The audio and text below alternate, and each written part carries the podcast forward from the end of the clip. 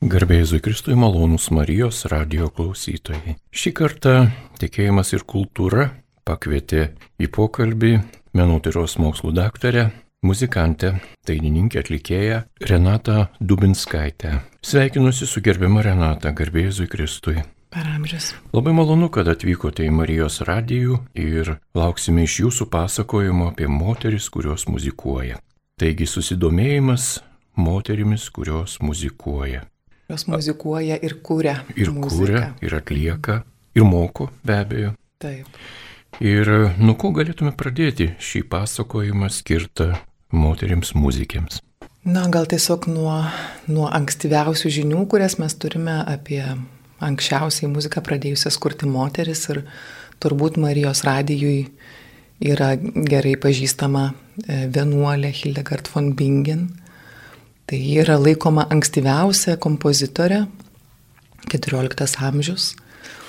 Ir paskui įdomu, kad Renesanso laikais kaip ir tarsi nutyla žinios apie kuriančias moteris, lyg ir keista, nes Renesansas atrodytų toks e, atgimimo laikas ir štai klesti įvairiausi menai, klesti tapyba, skulptūra, architektūra ir pavyzdžiui tapyboje iš ties atsiranda daugybė moterų tapytojų Va, o muzikoje lyg ir tokia tyla ir tik tai pačioj 16 amžiaus pabaigoje atsiranda moterų, moterų vienuolių, žinoma, Delena Kazulana, kuri buvo pirmoji moteris jau spausdinusi savo natas. Tai reiškia, ką reiškia moteris, kuris spausdina savo sukurtų kūrinių natas, kad jinai nori būti identifikuojama kaip kompozitorė, nori, kad jos kūryba pasklistų, nes spausdintos natos jos turi galimybę išlikti, jų yra daug kopijų, jas gali įsigyti skirtingų šalių pirkėjai ir, ir tokiu būdu sklisti žinia apie sukurtą muziką. Taigi 16 amžiaus pabaigoje jau formuojasi tokia samprapeta apie save kaip kompozitorė. Va, o mano pagrindinis kaip dainininkės domėjimusi laikotarpis tai yra barokas, prasidedantis nuo 17 amžiaus pradžios. Ir pirmiausia, mano asmeniškai vat, susidomėjimas prasidėjo nuo kompozitorės Barbaros Troci, e, kai 2019 metais mes šventėme Barbaros Troci 400 metų jubiliejų. Ir tai buvo tokia papildoma paskata pasidomėti šią autorę, šią kūrėją, jos gyvenimu ir jos kūrybą ir parengti jai skirtą rečitalį. Tai iš ties buvo nepaprastai įdomu gilintis į to laikotarpio istoriją, va, tokią socialinę, kultūrinį kontekstą ir, ir suprasti, kaip tais laikais, visiškai patriarchaliniais laikais, kaip galėjo moteris kurti, kokios turėjo būti sąlygos, kad ji galėtų kurti. Nes iš tiesų tais laikais dar būdavo tokių net išspausdinta, tokių provokacinių klausimų diskusijoms, kur apskritai buvo keltas klausimas, ar moteris yra žmogus, ar moteris turi sielą, ar ne, ir va tokiuose, tokiam kontekste būti moterim kurieja, kaipgi tai pavyko. Tai iš ties Dabar jau esu surinkusi kur kas daugiau informacijos apie baroko moteris kuriejas ir tikrai buvau labai labai nustebinta, kiek daug jų buvo 17 amžiuje, nes aš pati kaip muzikantė, mokiusis muzikos istorijos, aš buvau girdėjusi tik tai Francesca Kačinį, Barbara Stroci, prancūzė Elizabeth Jacques de la Guerre ir viskas. Tai buvo trys vardai ir tai dar tuos tris vardus tikrai ne kiekvienas muzikantas išvardins. O štai programoje, kurią sukūriau, kurią pavadinau Mistinės užadėtuvės, pristatau 14 kompozitorių ir tai nesugebėjau sutalpinti visų, kurias norėjau. Ir visos tos kompozitorės yra 17 amžiaus ir visos iš Italijos. Taigi tikrai labai nemažai kuriejų, bet dar svarbiau negu kad kiekybė, tai yra jų kūrybos kokybė. Ir kai kurios iš jų tikrai labai nustebino savo savo talentu, savo išrandingumu, savo drąsa ir savo kūrybos apimtimis. Ir aš manau, kad reik būtina istoriją nuolat peržiūrėti ir nuolat papildyti mūsų žinias tuo, kas yra surandama. Čia panašiai kaip tiesiog bendrasis istorijos mokslas, jisai nuolatos gali keistis, jeigu yra atrandami nauji archeologiniai duomenys ar ne, tuomet turim jau perrašyti tą nusistovėjusi istorinį pasakojimą arba kažkokie nauji istoriniai kiti šaltiniai, kurie paneigia iki, iki tol vyruvus, vyravusias nuomonės apie kokius nors reiškinius. Tai lygiai taip pat manau, kad mes tiesiog privalom perrašyti 17 amžiaus muzikos istoriją ir manau būtinai įtraukti šias moteris kuriejas į, į bendrą paveikslą. Nes e, kitaip yra didžiulė, didžiulė skriauda e, jų atžvilgių. Ypač dėl to, kad e, kai kurios iš tų moterų tikrai prisidėjo prie muzikos raidos. Pavyzdžiui, Franceska Kačini, na, jinai jau, tarkim, tikrai yra įrašyta į muzikos istoriją, bet jinai tikrai buvo viena iš tų labai svarbių ankstyvojo baroko stiliaus kūrėjų ir labai stipriai prisidėjo prie tos stiliaus raidos. Mes ją žinom kaip ankstyviausią moterį sukūrusią operą ir labai įdomu, kad ta opera buvo sukurta Lietuvos didžiosios kunigaikštystės ir Lenkijos karalystės princo Vladislovo Vazos vizito Italijoje proga. Tuo metu Vladislavos Vaza jau buvo pagarsėjęs Europoje kaip didis kariūnas ir štai nusprendė apsilankyti Italijoje, įvairiose Italijos miestuose ir čia jo garbiai buvo užsakomi kūriniai garsiems kompozitoriams, pavyzdžiui, pavyzdžiui Giacomo Peri, kurį mes žinom kaip, kaip pirmosios vienos ankstyviausių operų kūrėja. Ir taip pat Francesca Kačini specialiai Vladislavo Vazos proga sukūrė operą, arba tuo metu dar nebuvo to savokos opera, kartais tai vadinama buvo drama per muziką, reiškia muzikinė drama, sceninis muzikinis kūrinys pavadintas Rudžiero išlaisvinimas iš Alčino salos.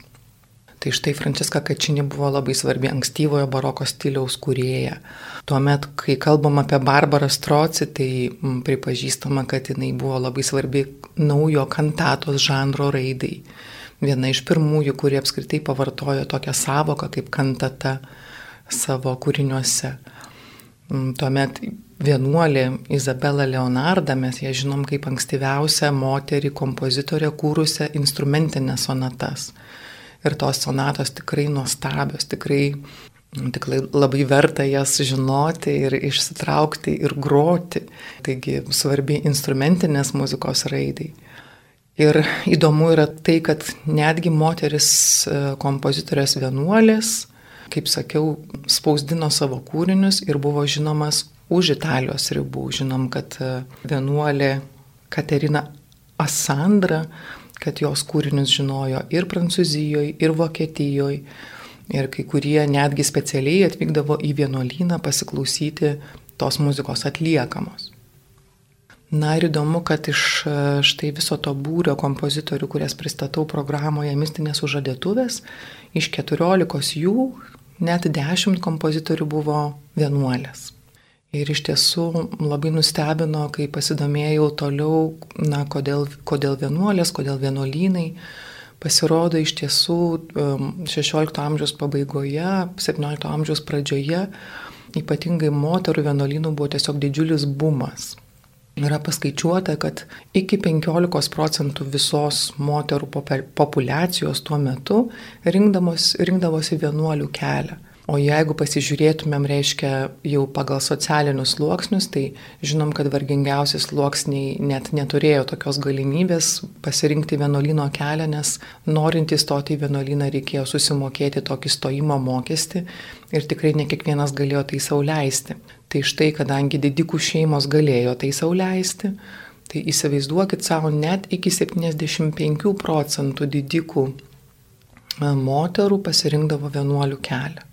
Viena iš galimų priežasčių gali būti ir, ir vėlgi tokia visiškai socialinė ir praktinė, nes tas įnašas, kurio reikalavo vienuolynai, jisai buvo žymiai mažesnis negu kad vestuvių kraitis. Tai galbūt šeimos tiesiog jau rinkdavosi, kuri jau iš tų dukrų galės pasirinkti šeimą ir kuriai bus galima sumokėti tą didžiulį vestuvių kraitį, o kurios dukros eis vienuolyno keliu. Bet matyt, kad ne vien tos priežastis, aš jau čia nesigilinsiu į tikėjimo priežastis, nes negalim įlysti į tų moterų vidų ir, ir iš tiesų žinoti, kaip ten buvo su tuo pašaukimu. Bet matyt, kad vienuolynuose tikrai buvo sukurta ir ganėtinai palanki terpė kūrybai. Kai kurie iš tų laikų viskupų, arkiviskupų tikrai labai palaikė mm, muzikos kūrybą ir muzikos atlikimą vienolynuose, nes jautė, kad tai padeda tikintiesiems, padeda kelti jų širdis, padeda lavinti jų tokį emocinį intelektą ir, ir tai tiesiog per muziką priartėti prie Dievo. Tiesa įdomus faktas, kad vienolynuose moteris muzikuodamos jos turėjo būti nematomos. Na, tarsi, tarsi bijoto, tai reiškia to, to fakto, kad, kad į vienuolės bus žiūrima, kuomet jos gėda arba kuomet jos groja instrumentais. Tai paprastai jos nekoncertuodavo, bet atlikdavo savo muziką už tokių grotelių, už kurių buvo kaip ir nelabai matomo susirinkusiai, susirinkusiai bendruomeniai. Bet tie muzikos atlikimo mastai iš ties buvo kai kuriais atvejais didžiuliai. Yra likę duomenų apie tai, kad pavyzdžiui kartais vienuolių chorose gėdodavo iki 50 vienuolių vienu metu, tai tikrai didžiulės apimties choras. Ir yra žinoma, kad moteris vienuolės grodavo įvairiausiais to laiko instrumentais.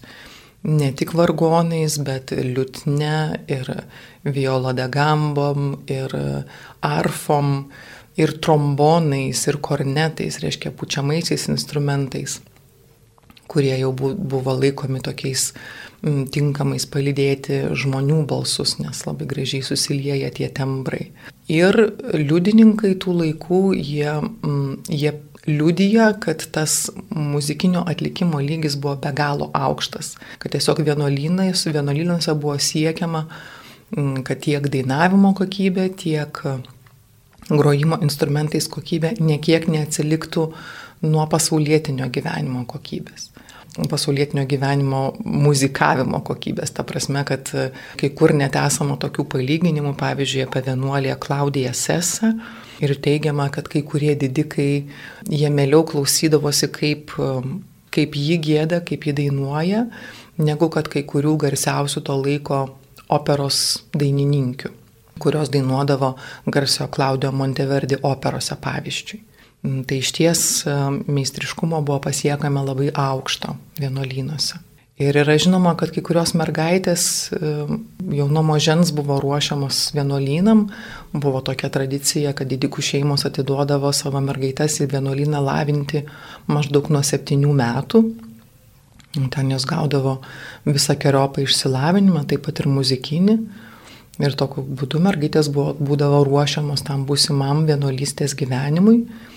Ir dažnai ateidamos į vienuolyną žino, jau žinodavo, kad ten bus e, ir pusėserė, ir teta, galbūt kartu su sesė atkeliaus, žodžiu, jau tokia tiesiog e, giminės vieta.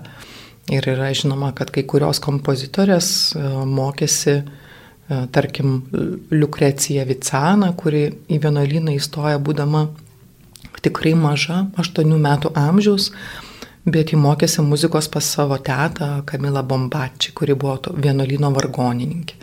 Taigi iš nuo moters moterim buvo perdodamas ir tas muzikinės žinios. Bet kai kuriais atvejais kompozitorės vienuolės mokėsi ir iš vyrų, kai kurie vyrai buvo ir kunigai kompozitoriai, reiškia, jau aišku, buvo labai patikrinama, kuriems vyrams leidžiama tapti mokytojais vienuolynuose, kad jau tikrai užtikrinti skaistumą, dorovę. Ir dažnai tos pamokos vykdavo su, su prižiūrėtojais arba vėlgi per kažkokią tai pertvarą, išsaugant, reiškia, vienuolių tą skaistumą ir, ir dorovę. Norėčiau pasiūlyti pasiklausyti vienuolės benediktinės Kiaros Margaritos Kocolani kūrinį O Marija Tudulčis kūrė Šventos Radegondos vienuolynę Milane, kuris garsėjo kaip tikrai nuostabus muzikos centras ir iš ten išėjusi yra ne viena puikia vienuolė kompozitorė.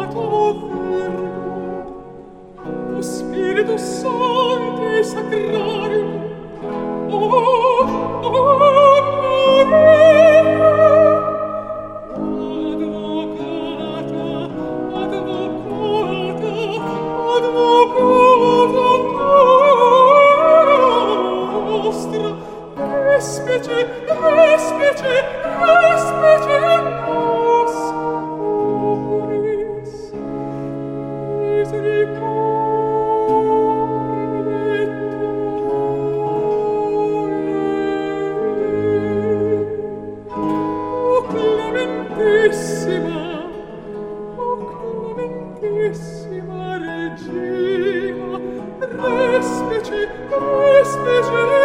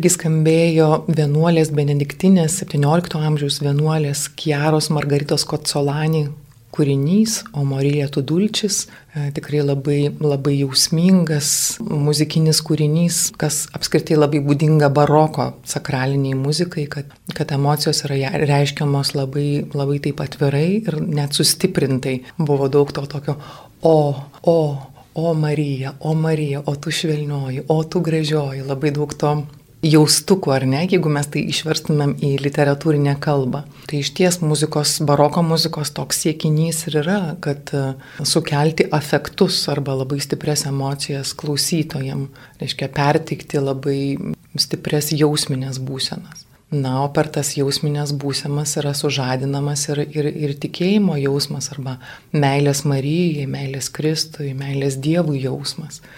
Tai iš ties baroko kompozitorių muzikoje yra labai daug tokio asmeniško santykio su Dievu. Žinoma, kad e, moteris kompozitorės jos kūrė be abejo ir tais na, liturginiais, kanoniniais tekstais, naudojo psalmių tekstus, bet kai kuriais atvejais kūrė ir savo pačių e, sukurtais tekstais. Ir tuomet tikrai ta muzika tampa labai asmeniška. Nežinom, ar jinai, ar, ar vat, tokia labai asmeniška kūryba, ar jinai buvo atliekama viešai, ar buvo tiesiog pačios vienuolės, na, kaip ir tokio asmeninio tikėjimo, tokio dalis, praktikos dalis, ar, ar tiesiog seserys tarpusavyje kartais tokią muziką, tokią intimę ir kamerinę muziką atlikdavo. Kaip minėjau, moterų vienuolynų padėtis ar kuriejų juose padėtis labai stipriai priklausė nuo viskupų, arkiviskupų tuo metu, reiškia, turimos bažnyčios valdžios, nes yra žinoma ir tokių atvejų, kuomet labai stipriai mėginta riboti kūrybą vienuolynuose, nes išvirkti tam tikri pavojai, galbūt tas jausmingumas kažkoks bijota, kad gali sukelti ir geidulingumą.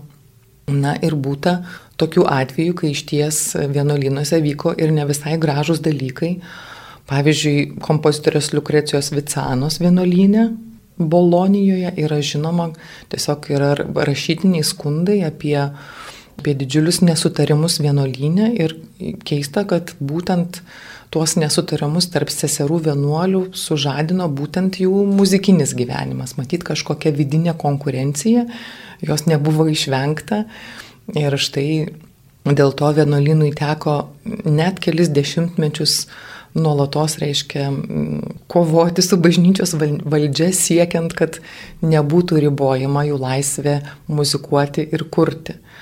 Na ir sakoma, kad jautrę Lukrecijos Vicanos sielą tai taip stipriai paveikė, kad net e, ji nustojo kurti ir netgi susirgo psichinę lygą.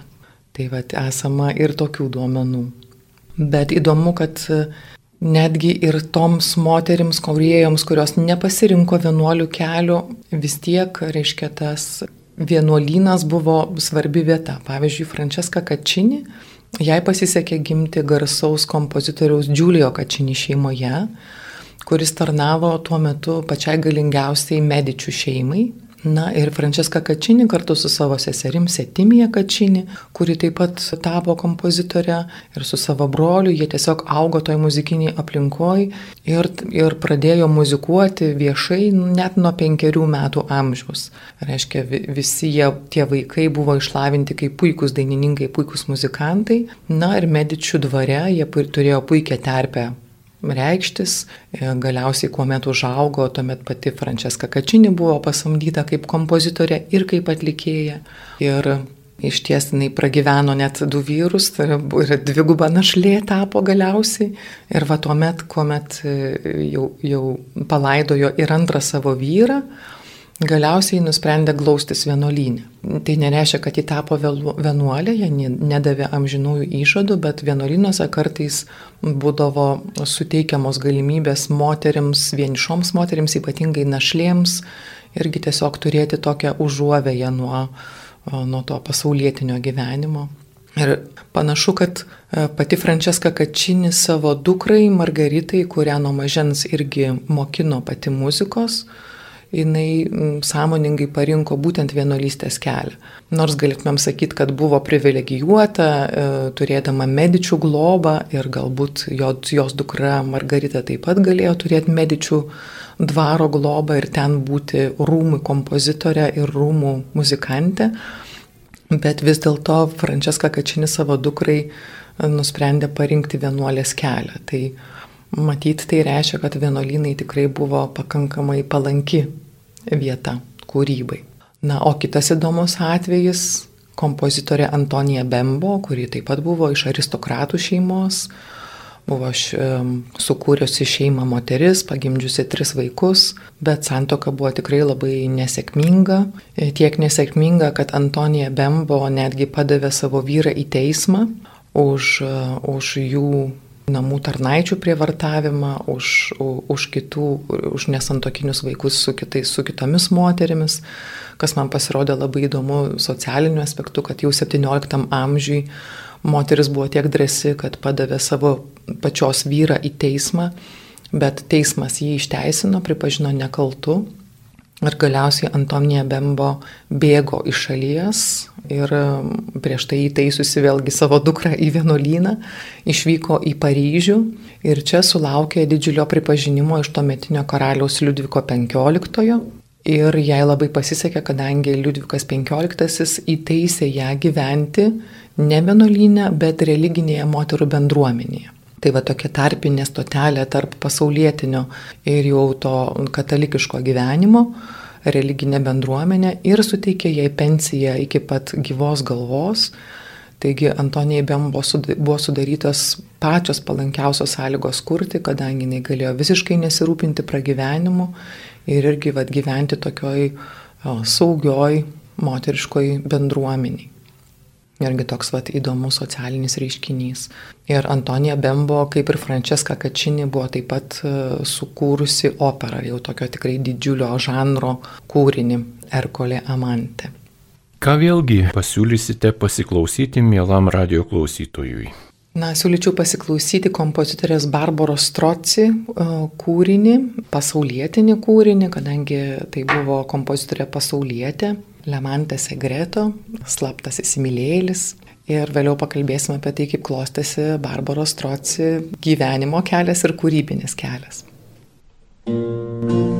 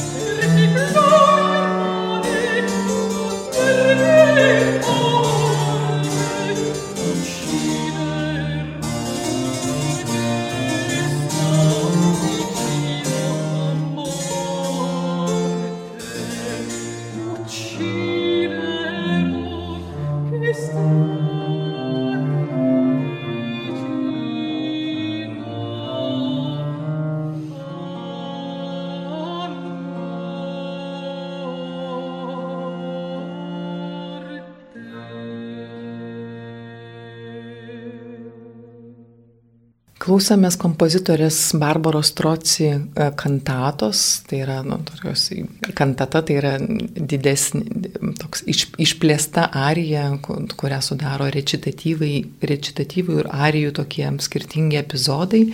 Lemantė Segreto, tai slaptas įsimylėjėlis. Na ir nor, norėčiau Jums truputėlį papasakoti apie Barbarą Stroci, labai įdomią 17 amžiaus Venecijos kurėją, labai įdomią asmenybę, kuri panašiai kaip ir Franceska Kačini e, taip pat gimė didikų šeimoje.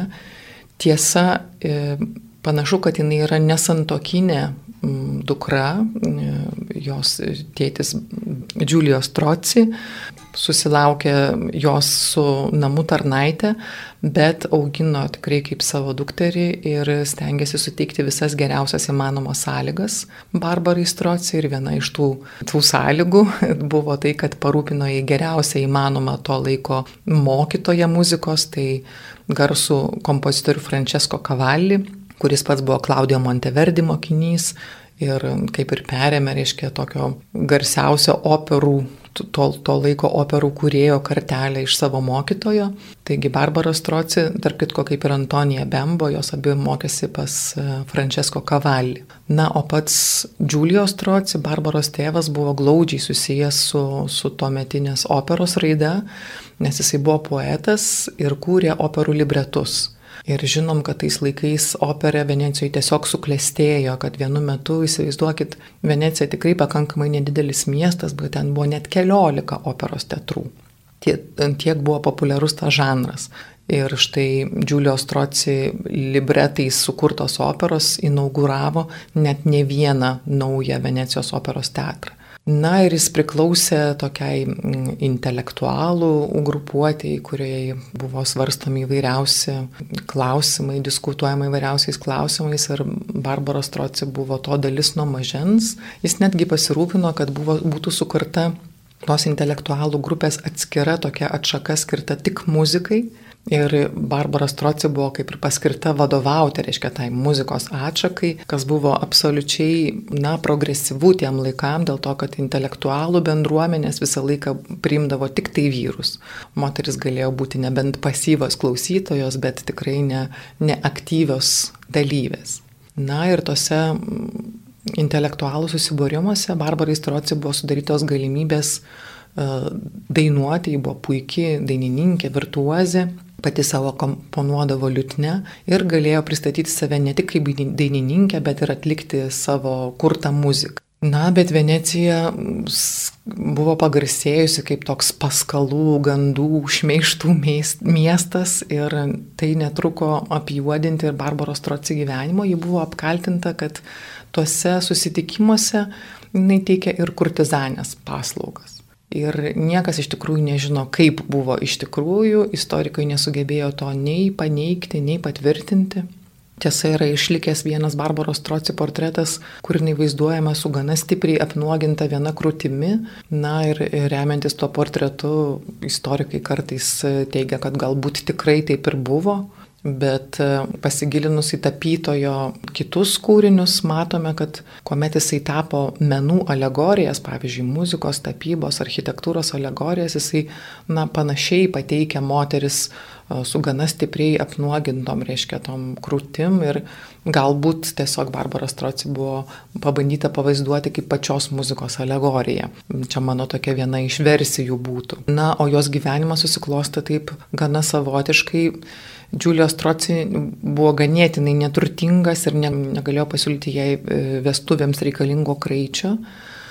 Į vienuolyną Barbara taip pat neišėjo, nes intelektualų, reiškia, toj aplinkoj pažiūros buvo ganėtinai tokios libertiniškos.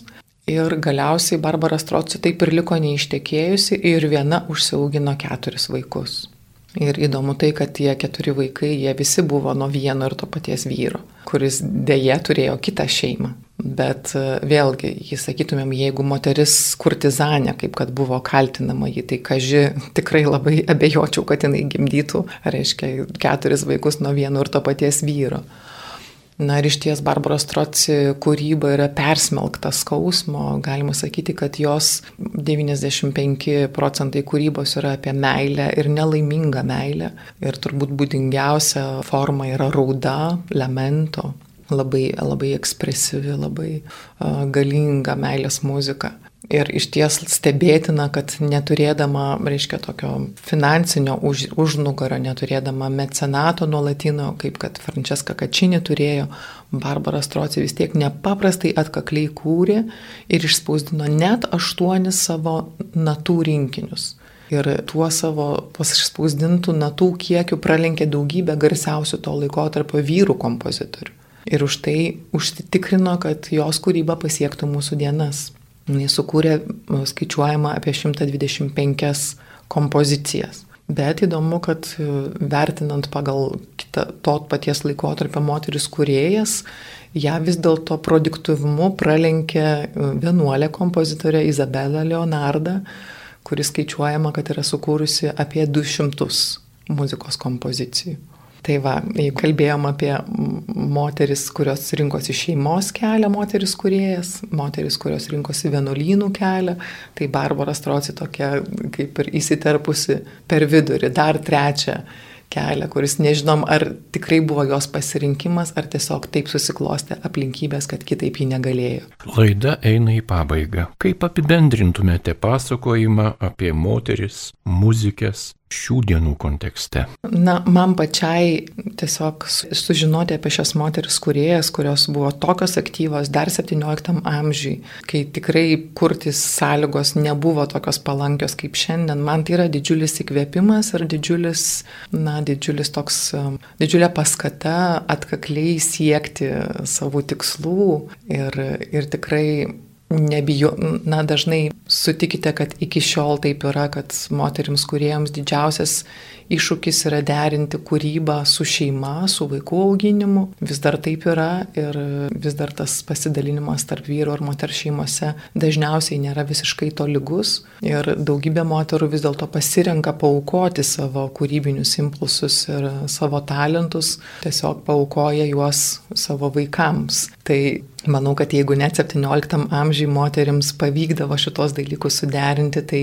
na, turėkim drąsos ir turėkim atkaklumo siekti savo svajonių ir realizuoti savo Dievo dovanotus talentus kūrybai ir muzikai. Mėly Marijos radio klausytojai, jūs girdėjote laidą apie moteris muzikės ir jums pasakojo menotyros mokslų daktarė Renata Dubinskaitė. Jei klausimus uždavė Liutauras Serapinas, ragindamas jūs likti toliau su Marijos radiju.